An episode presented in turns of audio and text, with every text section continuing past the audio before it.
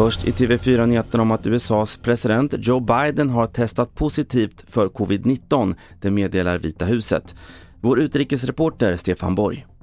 Han har som han säger mycket milda symptom. Han har fått sina två grundläggande eh, vaccindoser och han har fått två stycken boosters efter det, alltså sammanlagt fyra injektioner utav det här. Men han är trots allt 79 år gammal. Inrikes.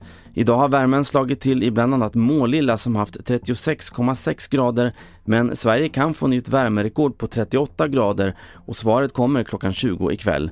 Ovanliga siffror, säger vår meteorolog Lasse Rydqvist.